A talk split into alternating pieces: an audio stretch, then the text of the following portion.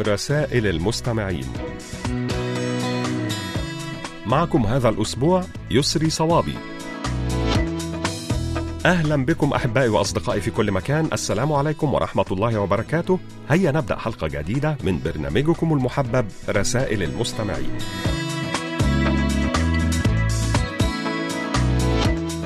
وفي البداية نشكركم أيها الأصدقاء الأعزاء على تعليقاتكم حول الموضوع الذي طرحناه الأسبوع الماضي وهو هل التعليم وحده يرقى بالإنسان وبسلوكه أم أن الحياة هي أكبر مدرسة؟ وسوف نستعرض خلال هذه الحلقة بعض الردود التي جاءت إلينا على صفحتنا على فيسبوك. اكتبوا لنا أيها الأصدقاء على صفحة القسم العربي على فيسبوك وأيضا إذا كان لديكم مقترحات بأفكار ترغبون في مناقشتها عبر البرنامج أرجو منكم إرسالها إلى بريد القسم العربي أو إلى ركن رسائل المستمعين.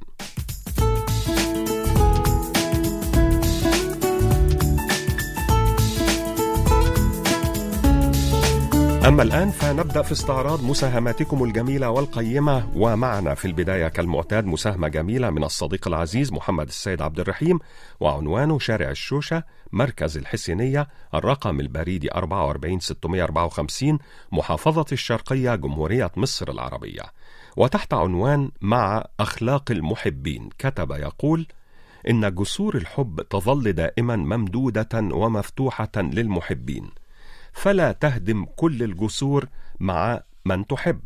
فربما شاءت الأقدار أن تلتقي بحبيبك يوما ما. وما أجمل أن تبقى اللحظات الجميلة والمشاعر الطيبة التي جمعتك بما بمن تحب. ودائما تذكر لمن تحب كل إحساس صادق ولا تتحدث عنه إلا بكل ما هو خير ورائع ونبيل. فليس هناك أغلى من القلب والعمر في حياة الإنسان. واجعل في أيامك مجموعة من الصور الجميلة لهؤلاء الأشخاص الذين سكنوا قلبك في يوم من الأيام. واجعل من قلبك مخبأ سريا لكل أسرارهم وحكاياتهم. فالمحبة أخلاق قبل كل شيء. وإذا اجتمع الشمل مرة أخرى فحاول أن تتجنب أخطاء الماضي التي فرقت بينك وبين من تحبهم. لأنه يجب على الإنسان أن يستفيد من تجاربه. نواصل أحبائي مع الصديقة العزيزة كنزة سليماني من الجزائر وتحدثنا عن العطور وتقول من منا لا يحب العطور؟ العديد يحب أن يبدأ يومه أو يحضر مناسبة مهمة برش زخات من عطورهم المفضلة التي تشعرهم على الفور بالحيوية والسعادة والثقة. خلال محطاتنا الحياتية ترافقنا العطور في حياتنا اليومية وتخبرنا بشيء ما وتثير الذكريات والمشاعر. وفي كل مرة نمر فيها بمتجر للعطور نشعر بالإغراء لتجربة عطر جديد وطبعا معرفة العطر الذي يناسب شخصيتنا. اليوم سنتعرف على بعض الحقائق المثيرة حول العطور. اولا يعود أصل العطور إلى عصر الفراعنة في مصر حيث كان المصريون القدماء يحضرون العطور من مستخلصات الزهور وحتى بمزج العديد من المكونات مثل اللبان والصنوبر وتوت العرعر ليستخرجوا عطورا مميزة تستخدم في احتفالاتهم وطقوسهم الدينية.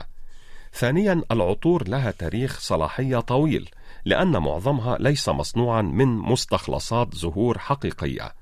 هذا يرجع إلى حاجة الشركات المصنعة إلى إنتاج كميات كبيرة باستخدام مواد صناعية. ثالثا أفخم وأغلى العطور في العالم تصنع من مكونات حيوانية. فبعض الحيوانات تفرز فضلات ذات رائحة مميزة أو أنها تمتلك غددا تفرز روائح طيبة مثل العنبر المستخرج من إفرازات حوت العنبر والمسك الأسود المستخرج من غدد الغزال.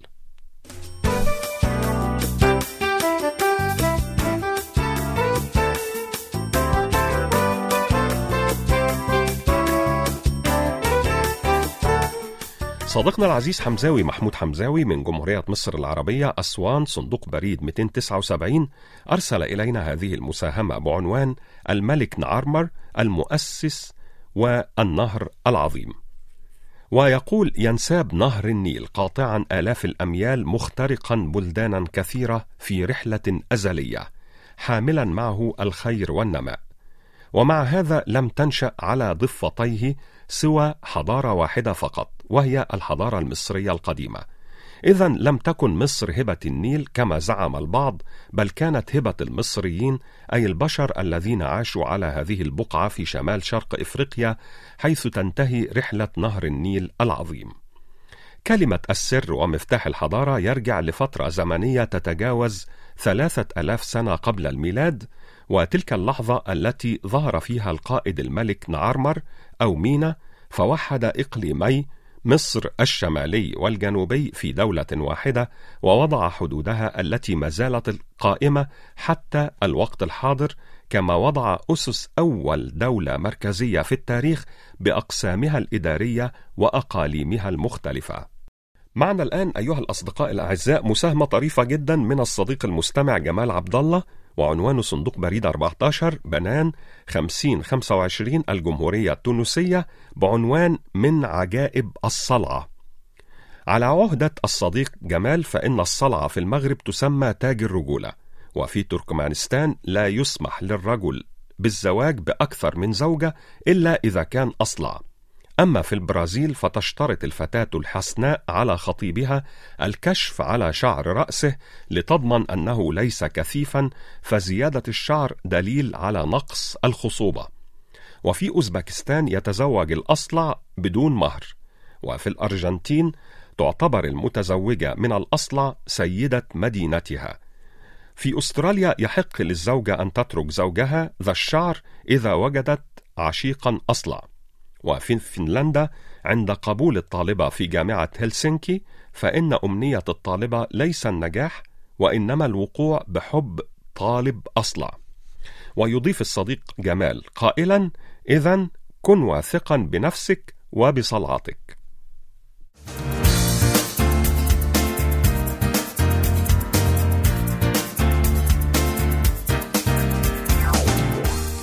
المزيد من المساهمات الجميلة والطريفة معنا الآن مساهمة من صديقنا العزيز عبد الرحيم آية العواد وعنوانه 23 زنقة جبل توب قال حي الفتح خوربكا 25 ألف المملكة المغربية. وتحت عنوان ماذا تعرف عن ثقافة التفاؤل؟ كتب يقول التفاؤل هو الفرح والاستبشار بالمصائب والنكبات التي تصيبك. هو رؤية الحزن والألم كمصدر من مصادر السعادة الأبدية، وهو مرادف الأمل والتأمل، وهو الفرح الذي ينتج عن ألم يصيبك ويلحق بك. إنه توقع الأفضل دائما مهما ساءت الظروف تتوقع الأفضل.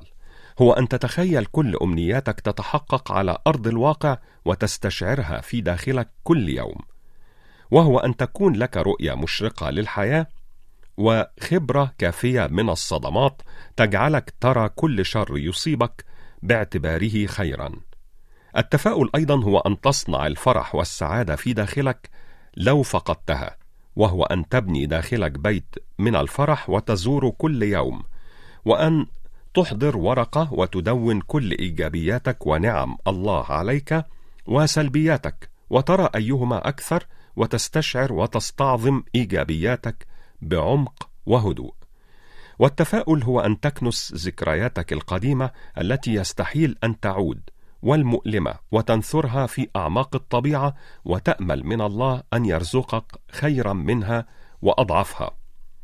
والتفاؤل هو أن تصنع الابتسامه والفرح وتزرع أزهارهما في قلبك وتسقيها بالرضا بقضاء الله وقدره.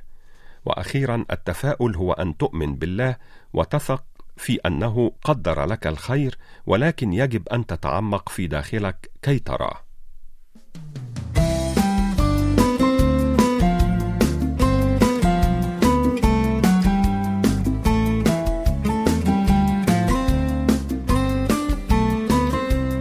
شكرا جزيلا لك يا صديقنا العزيز عبد الرحيم آيت العواد من المملكة المغربية ونهديك ولكل الأصدقاء الأعزاء هذه الأغنية الكورية اللطيفة Butter لفرقة BTS.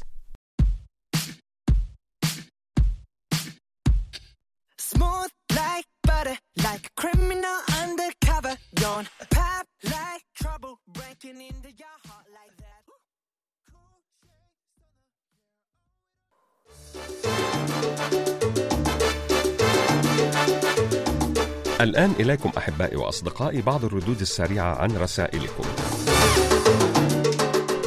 أحبائي وأصدقائي أدعوكم جميعا لإرسال تسجيلاتكم الصوتية التي تحتوي على مساهمات أو أشعار أو كلمات كتبتموها بأنفسكم أو حتى مقترحات تريدون توصيلها عبر البرنامج. مستمعنا الوفي أبو علي مؤمن من الكاليتوس بالجزائر شكرا لك على هذه المقولة حين تقرر أو تجبر على التغيير فابدأ بما تستطيع والعامل الأساسي هو أن تبدأ بأفكار إيجابية وشكرا لصديقنا العزيز عبد الله بوي من السنغال على هذه الطرفة من طرائف جحا. جاء رجل إلى جحا وقال له لقد ضاع حمارك. ففرح كثيرا لضياع الحمار وسجد لله شكرا. فاستغرب الرجل وقال له ما لك تفرح لضياع الحمار؟ فقال جحا إنه يشكر الله على ضياع الحمار وحده دون أن يركب عليه في تلك الأثناء فيضيع هو أيضا مع الحمار. ومشكور يا صديقنا العزيز محمد السيد عبد الرحيم من جمهورية مصر العربية على اقتراحك بإجراء لقاء عبر الفيديو بين القسم العربي وبين من يرغب من المستمعين عبر سكايب أو زوم من أجل تجديد التواصل والتفاعل بين القسم العربي ومتابعيه. نواصل أحبائي وأصدقائي مع المستمع المخلص جدا ورفيق الدرب المتواصل عبد الرزاق قسامي عنوان صندوق بريد 32 بني ثور ولاية ورقلة 30009 الجزائر. ويحدثنا هذا الأسبوع عن اليوم العالمي للجمارك الموافق للسادس والعشرين من يناير.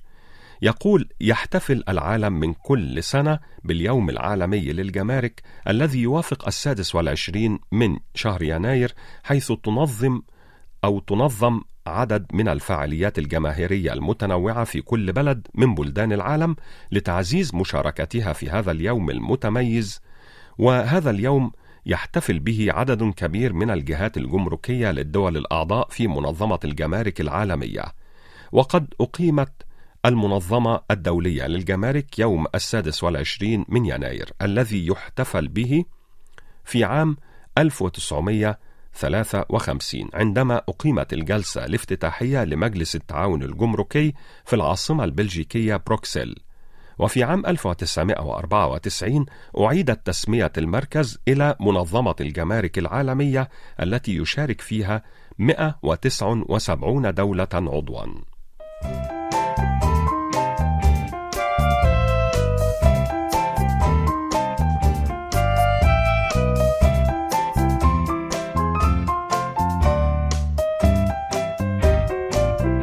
الخل الوفي إدريس بودينا في مدينة بيتسبرغ بالولايات المتحدة الأمريكية أرسل إلينا هذه الأقوال لأينشتاين. إذا لم تلائم الحقائق النظرية فلتغير الحقائق. أصعب ما يمكن للعقل أن يفهمه هو ضريبة الدخل. العلم دون دين أعرج والدين دون علم أعمى. إنها معجزة أن ينجو الفضول من التعليم الرسمي. أهم شيء هو ألا تتوقف عن السؤال. لا تقلق من العوائق التي تواجهك في الرياضيات، فأنا أؤكد لك أن عوائقي أكبر بكثير. الثقافة هي ما يبقى بعد أن تنسى كل ما تعلمته في المدرسة. الجنون هو أن تفعل ذات الشيء مرة بعد أخرى وتتوقع نتيجة مختلفة. العلم شيء رائع إذا لم تكن تعتاش منه. وأخيرا كل ما هو عظيم وملهم صنعه إنسان عمل بحرية. مساهمة سريعة ومفيدة من الصديق الدائم بإذن الله محمد بودوخة عنوانه صندوق بريد 98 العلمة 19600 ولاية سطيف الجمهورية الجزائرية. وهذه المساهمة عن مواعيد شرب الماء. ويقول جعل الله الماء لكم شفاء من كل داء إن شاء الله. وتوقيت شرب الماء يضاعف من فوائده على جسم الإنسان. فمثلا كأس من الماء بعد الاستيقاظ من النوم يساعد على تنشيط الدورة الدموية. كأس من الماء قبل الوجبة بنصف ساعة يساعد على تحسين الهضم. كأس من الماء قبل الاستحمام يساعد على تخفيض ضغط الدم. أخيرا كأس من الماء قبل النوم يجنب السكتة أو النوبات القلبية.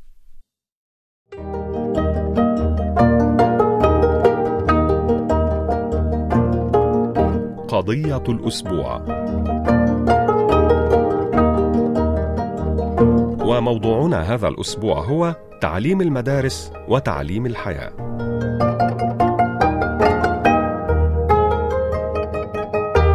حاج فتيح يقول أعتقد أن التعليم والحياة متكاملان ويبقى على الإنسان تحديد ما يريد أن يكون. قاسم عبد القادر التعليم شيء مقدس وله مرتبة كبيرة وعظيمة. ولكن يجب أن نحكم عقولنا وأن نستغل العلم فيما فيه صلاح البلاد والعباد وألا نكون سببا في تدمير النفس البشرية بالتجارب العلمية خاصة النووية. هبة إسلام تقول التعليم المدرسي مهم كبداية لكن المدرسة لا تكفي ابدا فالتعليم الذاتي والبحث عن المعرفة له تأثير أكبر من التلقين السلبي الذي نتلقاه في المدارس. وكلما تقدمنا في العمر نكتشف أن دروس الحياة هي التي تصقل مهاراتنا في التكيف مع مختلف أشكال الضغوطات والعقبات التي نتعرض لها. ريم البورشي تقول الحياة هي المدرسة الكبرى والتعليم داعم لها. عبد الملك الرماغة يقول التربية مع التعليم هو الأساس وأكيد الحياة هي المدرسة الشاملة. مريم تقول الحياة هي أكبر مدرسة لأنها تعلمك بعض الدروس التي لن تتعلمها في المدرسة. أسعد الحدادي يقول لا سبيل لأي أمة أو شعب إلى تحقيق الرقي والازدهار دون تعليم جيد. فالقول بأن الحياة أكبر مدرسة هو قول مجازي معناه أن التجارب التي يمر بها الإنسان خلال حياته تسهم في إكسابه خبرة وتطور شخصيته وتجعله أكثر نضجا لكنها لا تغنيه عن التعليم.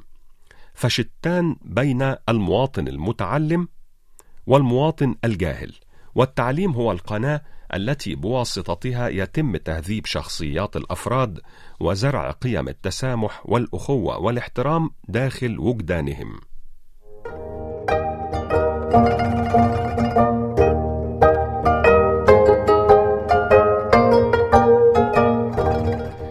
نشكركم أيها الأصدقاء الأعزاء على كل مشاركاتكم القيمة وننتظر منكم المزيد من المشاركات المفيدة والجميلة وسوف نواصل معكم بعد قليل.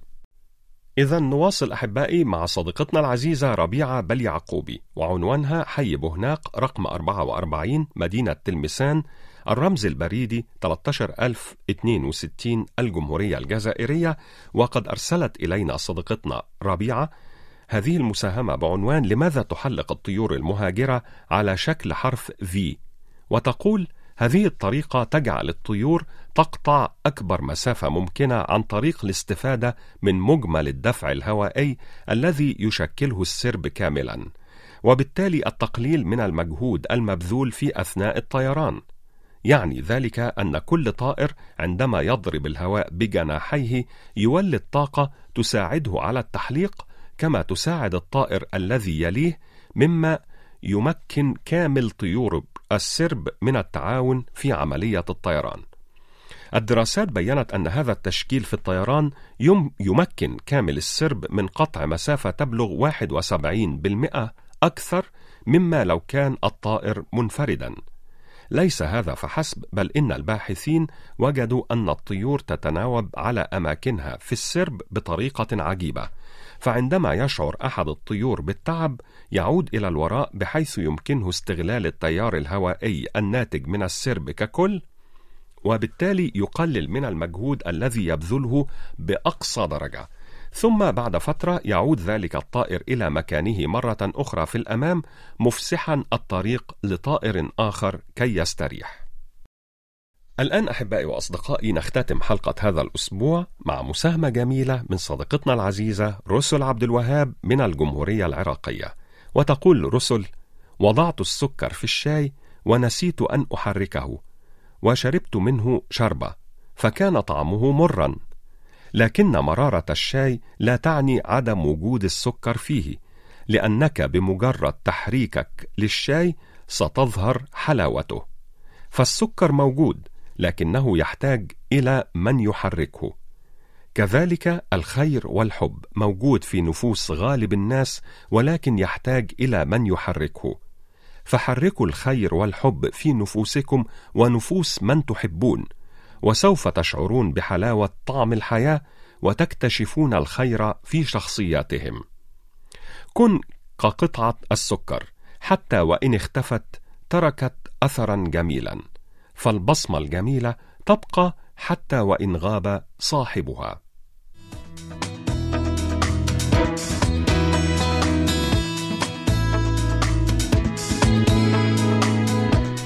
نرجو أن نكون قد تركنا بصمة جميلة لديكم أحبائي وأصدقائي في كل مكان وبهذا نكون قد وصلنا إلى ختام حلقة هذا الأسبوع من برنامجكم المحبب رسائل المستمعين ونعدكم أيها الأصدقاء الأعزاء بأن نلتقي بكم في مثل هذا الموعد من الأسبوع القادم إن شاء الله.